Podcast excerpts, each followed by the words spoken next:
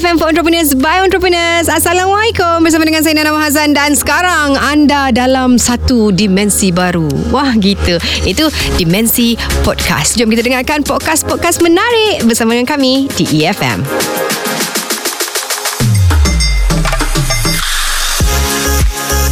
Okay, kalau menceburi bisnes, uh, bisnes berkenaan dengan makanan sejuk beku ini memerlukan pengetahuan yang mendalam mengenai industri ini bermula daripada proses pembuatan, penyejukan, packaging, pemasaran dan sebagainya. Dan usahawan yang terlibat dalam bisnes ini perlu menjamin kebersihannya dan ketahanan makanan tersebut kerana ia melibatkan kesihatan pengguna. Dan uh, khusus-khusus berkaitan bisnes ini boleh diperolehi dari uh, pelbagai agensi kerajaan dan pihak swasta yang boleh membantu siapa saja saja yang berminat untuk menceburinya. Jadi jangan risau kalau kita tak tahu ataupun ada banyak lagi uh, info-info yang kita nak tahu banyak sebenarnya uh, cabang-cabang ataupun khusus-khusus yang boleh kita hadiri.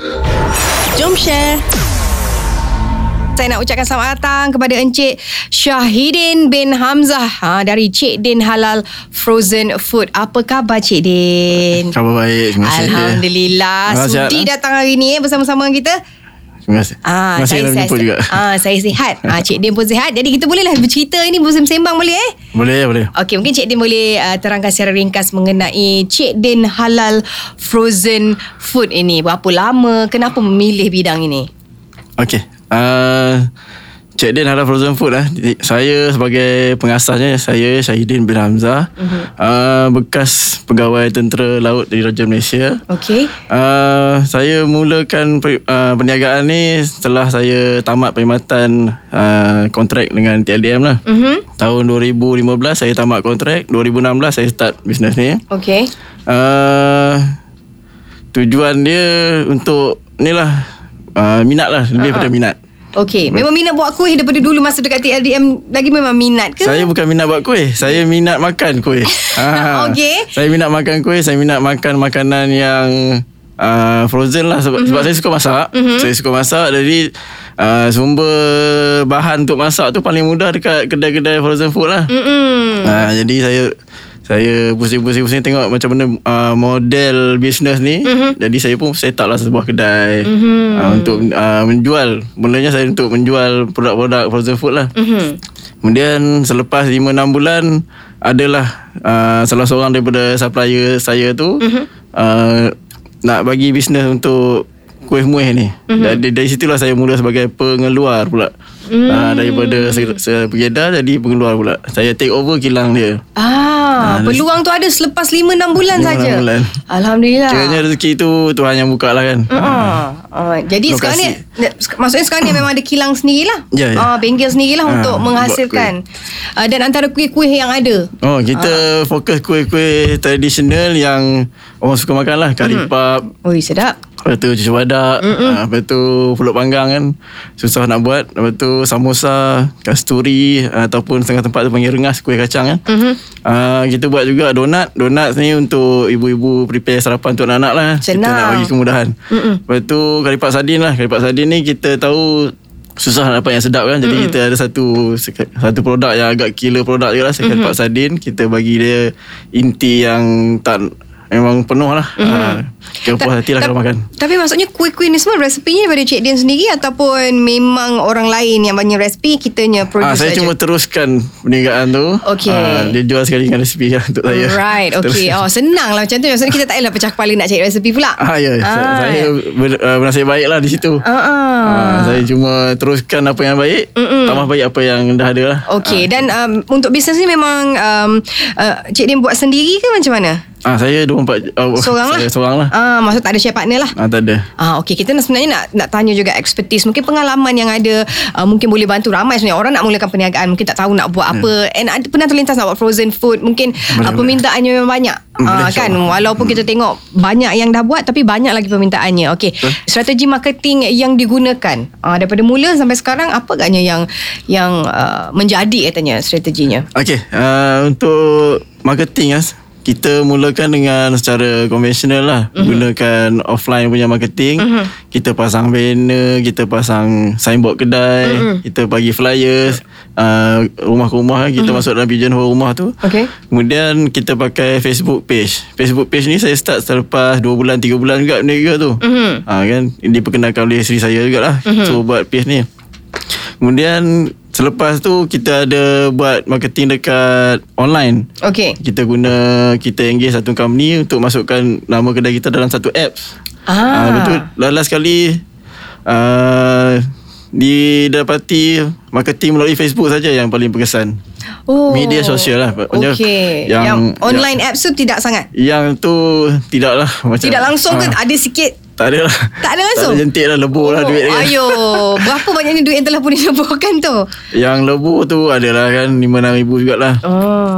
Lepas tu uh, untuk Facebook ni kita kita gunakan perkhidmatan yang disediakan oleh Mark Zuckerberg lah. Mm-hmm. Dia kan dia kontrol mm-hmm. uh, Facebook, uh, Instagram WhatsApp, juga, WhatsApp. Instagram Mhm. dan yang baru Messenger kan. Mm-hmm. Uh, kita gunakan kita pergilah belajar kat dekat uh, Najib Asadok punya program-program tu ada mm-hmm. dia ajarkan macam mana nak gunakan uh, media sosial ni untuk mm-hmm. marketing.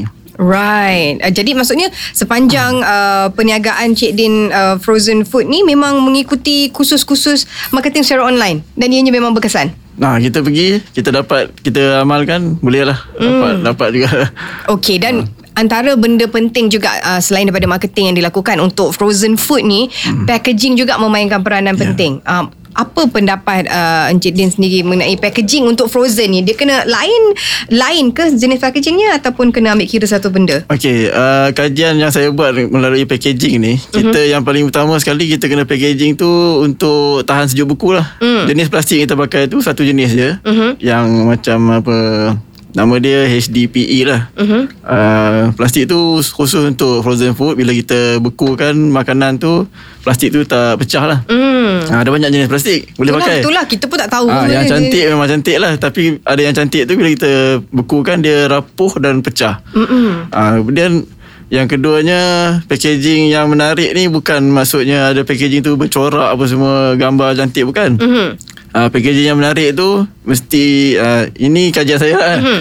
ah, Pengguna pembeli tu Mesti nampak produk kita Dia nak okay. tengok Ah, kalipat kita tu bentuk macam mana Mhm. Kemek ke kan ah, Rupa parah dia tu Oh, dia rupa parah nak- penting ah, jugalah nak kena tengok. Dia senang Ah. nak menilai tu Saya pun ada berkira-kira nak tukar packaging Tapi bila tengok sambutan kepada kawan-kawan Produk kawan-kawan yang dah tukar packaging sam- Ada yang uh, sebabnya uh, sale dia drop Sebab customer tak nampak produk dekat dalam tu Oh, Ah. okey kita ada bekalkan uh, sedikit sampel sampel mengenai packaging daripada usahawan-usahawan yang pernah kita interview ni kalau hmm. uh, Cik Din boleh tengok ni antara yang dilakukan. Ah, mungkin boleh komen sikit dari uh, packaging yang telah pun dibuat. Ha, packaging ni saya punya konsep kan ha, Pengguna kita beli barang kita Bukan nak makan plastik yang bungkus dia tu Mhm. ha, Dia nak makan isi dalam ni Betul. kan Yang paling mustahak sekali Apa yang penting Dia kena nampak dalam lah Kalau Ah. Lagi satu ha, Mudah dibuka Mhm. Mudah Ah, dibuka ah, Macam okey. ni ada ada tempat buka dia kan. Mm-mm. Senang nak buka. Betul. Uh, Dia ada lubang sikit lah walaupun tak nampak ah. keseluruhan tetap nampak Ya, lah. yeah, Ah. yang tu paling mustahak. Kalau start, kalau tutup terus memang orang tak beli lah. Okey, ah, so Ah. tips juga kepada anda kalau nak buat frozen food, Ah. plastik kena nampak kat Ah, dalam. Kalau, kalau boleh side, side window apa side, side glass kita panggil kan. Ah. Ah, bagi besar sikit. Besar sikit. Ah, bagi Ah. nampak saiz yang sebenar tu orang nak compare. Ah. Selalu orang letak atas tapak tangan lah. Uh-uh. Besar kuih tu ke? kecil saiz dia kan. Mm-mm. Macam dulu kita tengok dekat kedai satu Malaysia pun ada jual kuih-kuih frozen kan. Mm-mm. Tapi dalam, dalam tu kita tak nampak. Jadi orang beli pun Dia raba-raba ah, je. ah, macam macam Agak-agak. Ah, nasib-nasib lah Ah. ah. Beli-beli balik tengok Alah macam ni rupa kuih kan Lepas tu Terus tak beli lah Kalau tak sedap lah Kalau tak penuhi cita rasa dia kan Mm-mm. Jadi packaging memainkan peranan penting Ya. juga sebenarnya Ha. untuk orang sebab kita tengok kita tak tahu ada ber- banyak jenis brand jadi kita tahu mana satu kita nak pilih. Gambar ni memang boleh cantik Tapi orang tak percaya gambar Ah, Ah, orang mesti nak kena dalam tengok juga. Ah, mesti kena nampak lah. Maksudnya kena ada window. Kalau tak keseluruhannya, mungkinlah kita nak letak design juga. Kita nak letak nutrition fact dekat situ kan. Mungkin Ah. cara-cara menggoreng, cara-cara dan sebagainya. Yang Penting, penting tak info dekat ah, atas? Cara penyediaan ni Mhm. Lepas tu ah, Kalau kita tengok Dekat Saya suka tengok dekat ni Paket rempah Kan paket rempah tu aha. Paket rempah tu Kalau kita pergi Beli rempah kari kan uh Dia dia bagi tahu Macam mana nak masak kari Kat Ah, belakang ah, tu kan ah. Sedangkan dia jual rempah je ha. Itu yang saya suka Kalau macam tu ah. Dia tunjuk step by step Macam ni Kuih kita tu Apa lagi uh, Macam mana nak makan dia uh, Lepas goreng apa nak buat Mm-mm. Makan uh, Nak simpan macam mana ke Nak hidang macam mana ke ha. Ah, info-info macam tu penting Ah, juga. Letak sikit Ah, ah. Ah, Macam uh, Satu produk tu Produk Parata Tisha kan Ada letak sikit Hmm. Ah, dia letak macam mana nak perbagaikan menu dengan parata tu bukannya sekadar goreng dan makan macam tu Hmm, je. bukan cara penyediaan saja, Ha. option lagi dia bagi. Yes. Ah, itu juga membantu sebenarnya untuk orang lebih tertarik Menarik untuk minat. mencuba. Hmm. Ah, itu penting sebab kalau kita tengok options banyak tapi apa kelebihan produk yang boleh kita berikan dengan info yang kita letak di plastik tu. Ah, yang boleh orang kata, "Oh, okey, ni bagus. Ah, ni aku boleh cuba." Ah, dia bagi idea. Ah, itu yang penting. Ah, uh, perniagaan berkembang daripada 5 ke 6 bulan start berniaga tu terus menjadi pengeluar pula sekarang. Uh, macam mana kalau Cik Din boleh kongsikan dengan usahawan yang lain bagaimana strategi untuk memudahkan mereka mendapat kepercayaan pengguna. Uh, selain daripada packaging tu salah satu tem- uh, sebab juga kan uh, sebab info yang diberikan atas packaging tu. Tapi untuk orang percaya eh cubalah. Cubalah kita ni resepi. Semua orang akan claim resepi dia orang terbaik. Ha, nak bagi orang percaya dengan kita punya produk tu. Ha, tu macam mana? Ah, yang paling paling mustahak sekali produk-produk frozen food makanan ni. Mhm. Dia pernah rasa lah Hmm. Rasa dia mesti Memenuhi cita rasa Maksudnya rakyat Malaysia Mhm. Kalau kita Contoh kita Sama macam saya lah Saya orang Kedah kan Mhm. Saya orang Kedah Makan kari pap ni macam ni Mm-mm. Ah, Saya makan samosanya macam ni Ada inti telur Ada inti ikan Semua ada Mm-mm. Tapi tak semestinya seluruh rakyat Malaysia boleh terima. Betul? Uh, Ha. Kemudian uh, cara penyediaan dia pun main peranan juga. Contoh resepi yang bagus Mhm. tapi disediakan dalam uh, keadaan apa atau uh, proses yang tidak cukup sempurna maksudnya uh, masak inti tu tak betul. Mhm. Okey. Uh, tak cukup masak. Lepas tu dia punya ulian apa adunan tepung Mhm, untuk kari pap tu sendiri uh, tak cukup bahan-bahan dia. Uh, tu pun main peranan juga. Yang besar sekali rasa dia lah. Mhm. Rasa dia mesti konsisten. Mhm. Tak ada apa kita terasa bahan perisa yang berlebih macam aji ajinomoto ke ataupun bahan perasa MSG tu terlebih ke ataupun rempahnya terlalu pedas ke itu pun kena kontrol. Mhm. Uh, mesti uh, pengusaha-pengusaha ni kena amalkan amalan baik dia. Mhm. Uh, buat uh, adunan tu mesti timbang. Mesti timbang Oh, bukan setiap kali sebiji sebiji tu. Ah uh, bukan uh, untuk satu adunan contoh nak buat inti tu uh-huh. uh, kita ikut gram kita punya berapa garam dia berapa gula dia uh-huh. uh, bukan main rasa rasa dengan Kalau kita lidah. masak kat rumah boleh lah kita main campak-campak. Ah, ha, tapi ah. kalau untuk di Untuk production ni production kena mesti konsisten. sama. Ah kita tak boleh rasa pakai lidah. Mm-mm. Sebabnya kalau hari kita demam rasa dia lain. Ah kan inti dah ada dia rasa lain. Ha. So pakai gram. Ah. Ah, kita buat SOP, kita buat uh, senarai bahan-bahan tu kita bagi uh, mungkin ada orang anggap itu rahsia uh, perniagaan tapi bukan. Sebenarnya itu SOP tu untuk memudahkan kita, pekerja-pekerja kita kekalkan rasa kuih kita tu uh, bila-bila pun sama. musim apa pun? Sama. Ah, walaupun kalau kita tak ada lah. Kalau kita lah tukang rasa seorang Ah. Kita nak tahu pastikan produk kita berkualiti. Tapi hari tu kita nak bercuti lah dengan family. Tak ada orang tukang rasa. Betul? ah, Ah, Payah pula. Mana ada tukang rasa lah. Ah, kita, Tak ada. Kita pastikan skill penimbang kita tu Bateri penuh. Ah. Cantik timbang. Ah, Tak ada ah, pengaruh sekitaran kan. Kita- Right. Contoh timbang dia Kena angin ke apa kita, ah, Tu pun kena tengok juga kan.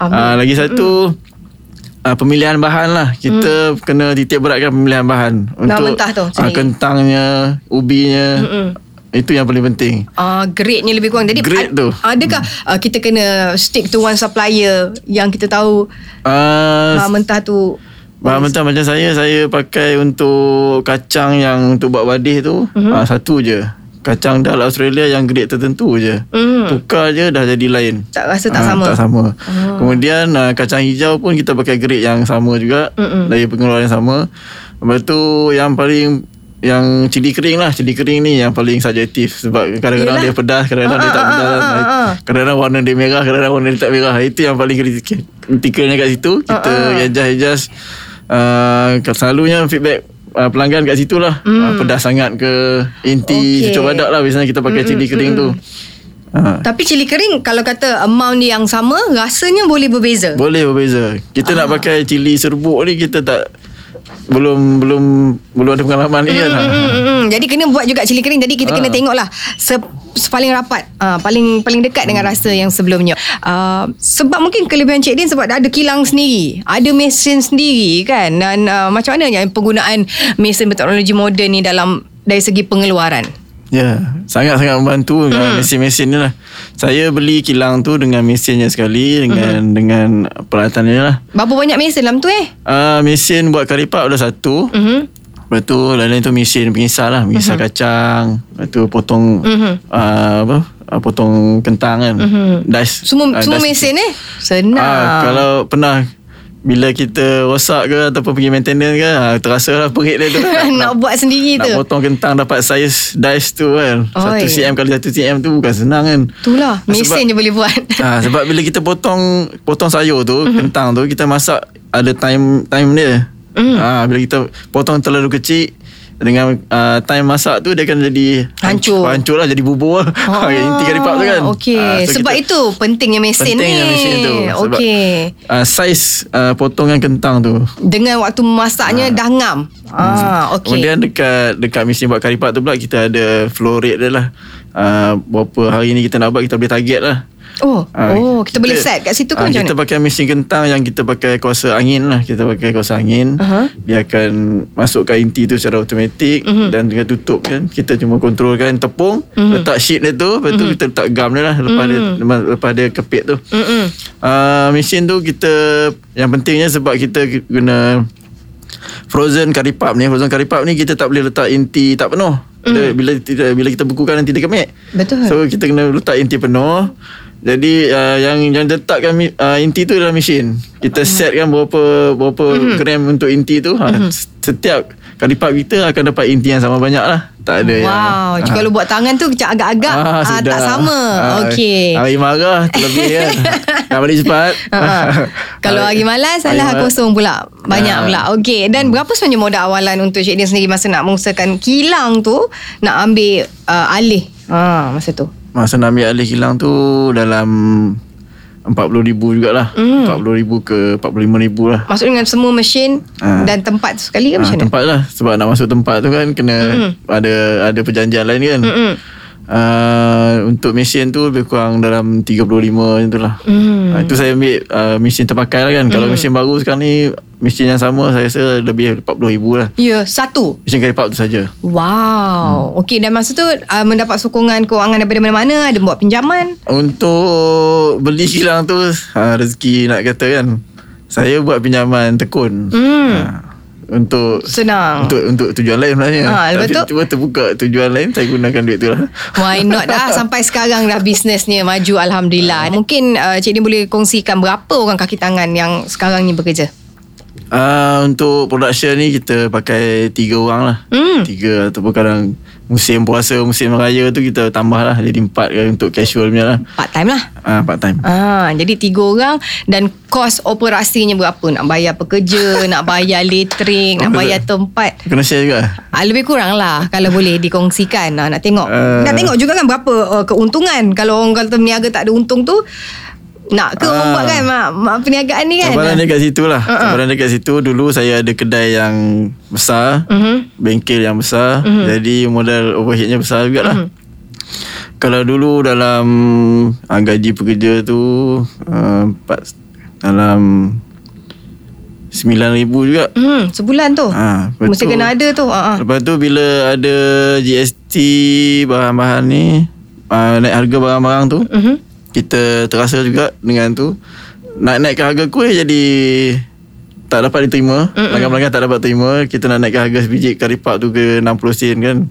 Mm-mm, susah jadi saya ambil ambil tindakan. Saya uh, kecilkan bengkel saya. Saya pergi pindah ke tempat yang lebih murah sewa dia semua. Tu. Okey. dengan perbelanjaan-perbelanjaan lain saya kurang-kurangkan. Sekarang ni dalam 5000 lah Mhm. ha, kita dapat Oh banyak juga boleh save tu. Ha. Daripada 9 ke 5000, Ha. 4000 save tu banyak boleh buat. semata-mata nak kekalkan harga kuih Ya, Kalau, faham. kalau tak nanti kita terpaksa naikkan harga kuih kan. Mhm. Mm-hmm. Orang dah tak boleh nak makan kari pak kita sedih lah kan. Ya, betul, betul, macam betul. mana orang nak makan kari pak kalau sebiji kena 70 sen kan. Tapi bagus juga percaturan dalam uh, bisnes tu penting uh, untuk memastikan kita dapat memberikan terbaik untuk pelanggan Hmm. Yang dan dalam masa yang kan, sama kita relevan. Ah, relevan dan ada dapat juga keuntungan lah.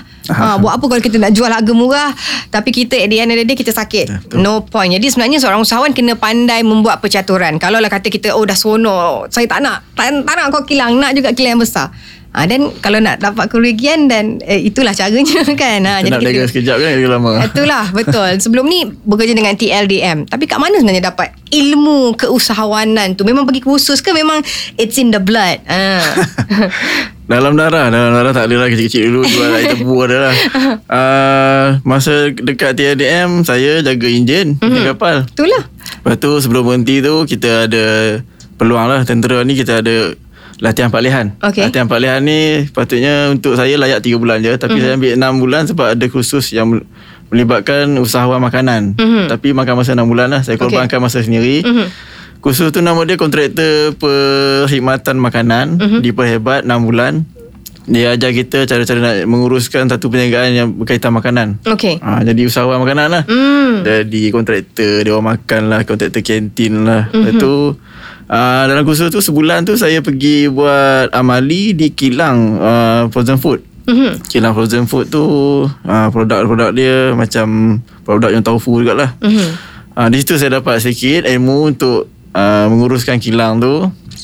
Kemudian lain-lain tu keusahawanan punya ilmu ni saya dapat banyak pro- program Dr. Azan Azan Fan lah. Mhm. Ah, saya Jadi, pergi- Kita kena ada inisiatif sendiri lah Maksudnya kena join seminar Ya. Ataupun kursus-kursus yang ada di luar sana Kalau kita ada kawan rapat atau mentor yang boleh ajar kita tak apa. Uh, tapi bidang yang kita ceburi ni mungkin tak ada yang boleh kongsi ilmu ataupun Mhm. uh, dah lama tinggalkan contohnya selalunya yang buat ni kebanyakan dah berhenti. Mhm.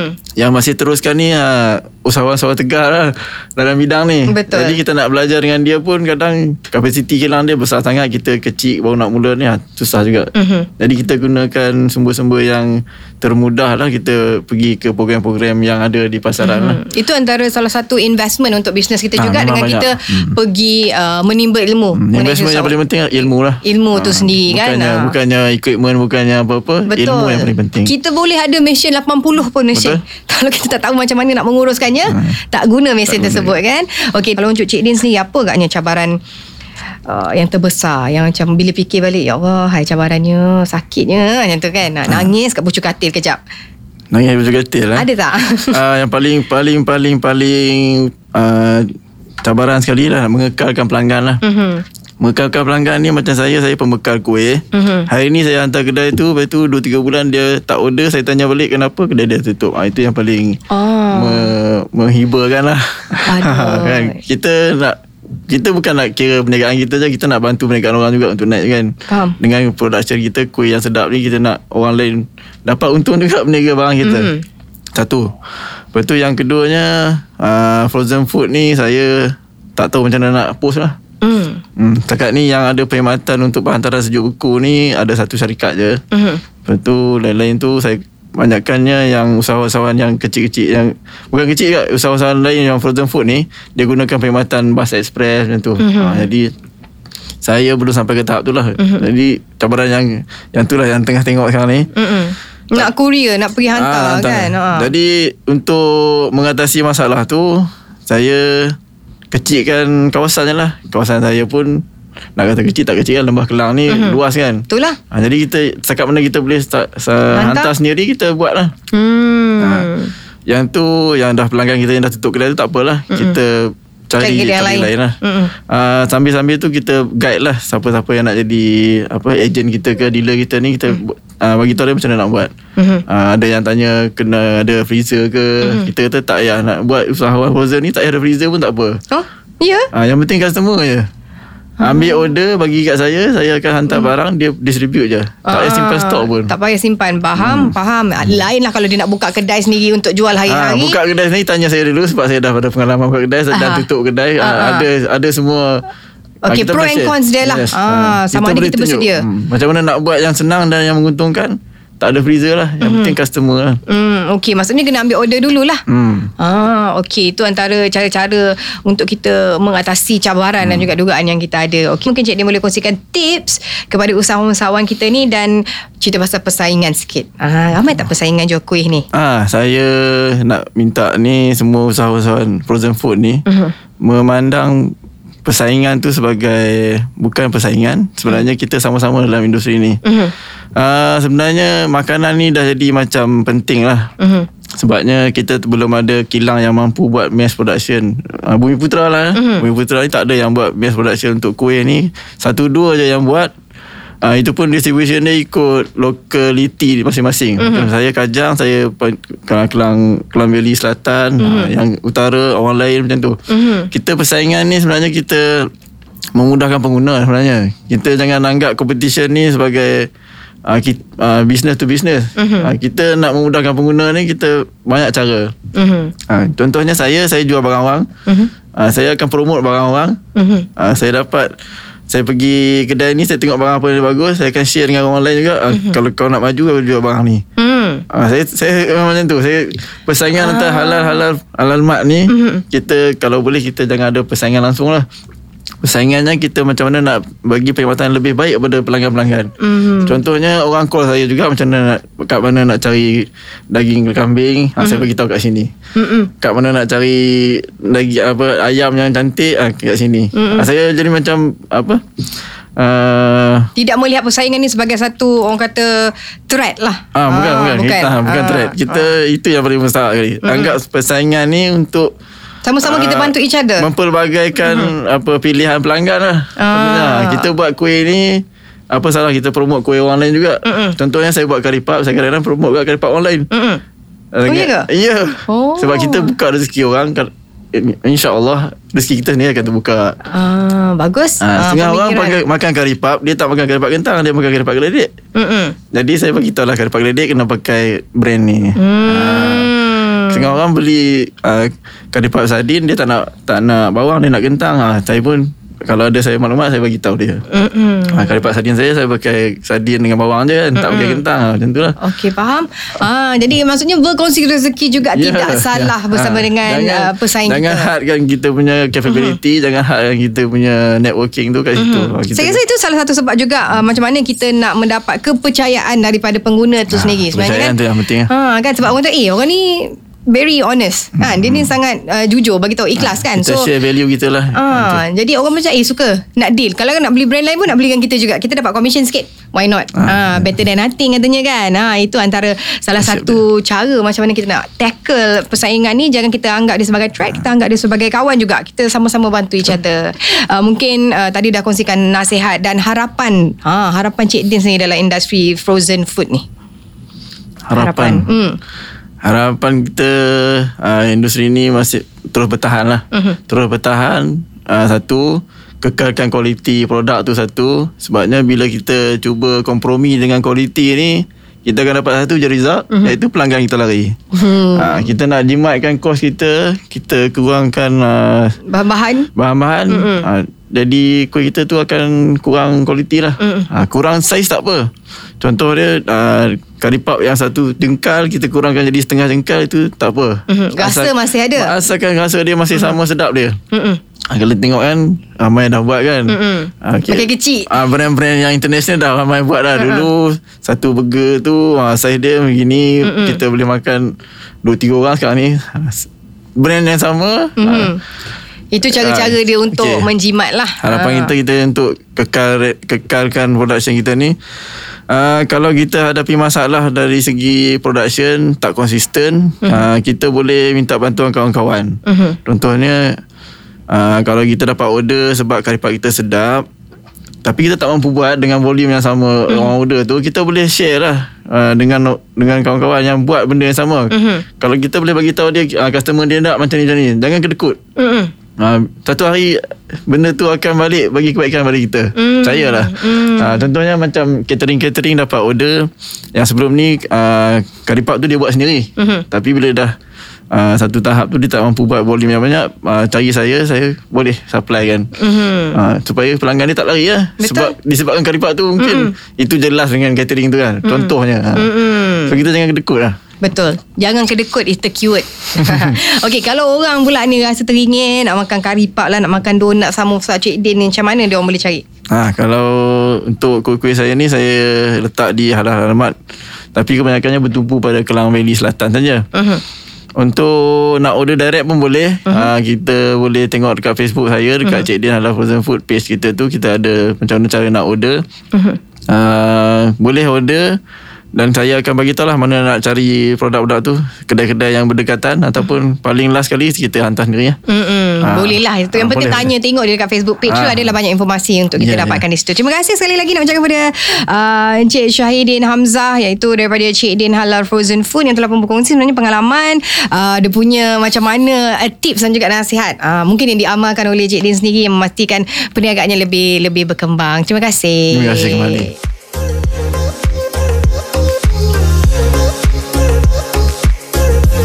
Uh, sedikit yang boleh kita rumuskan daripada temu buat saya tu.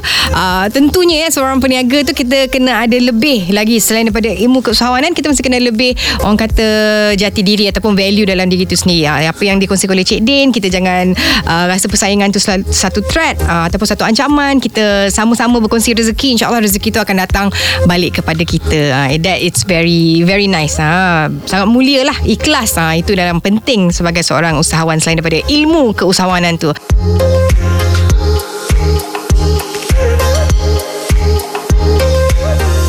Itu dia antara yang menarik yang dapat kami sajikan untuk podcast kali ini. Pastikan anda terus scroll untuk dengarkan podcast-podcast yang lain.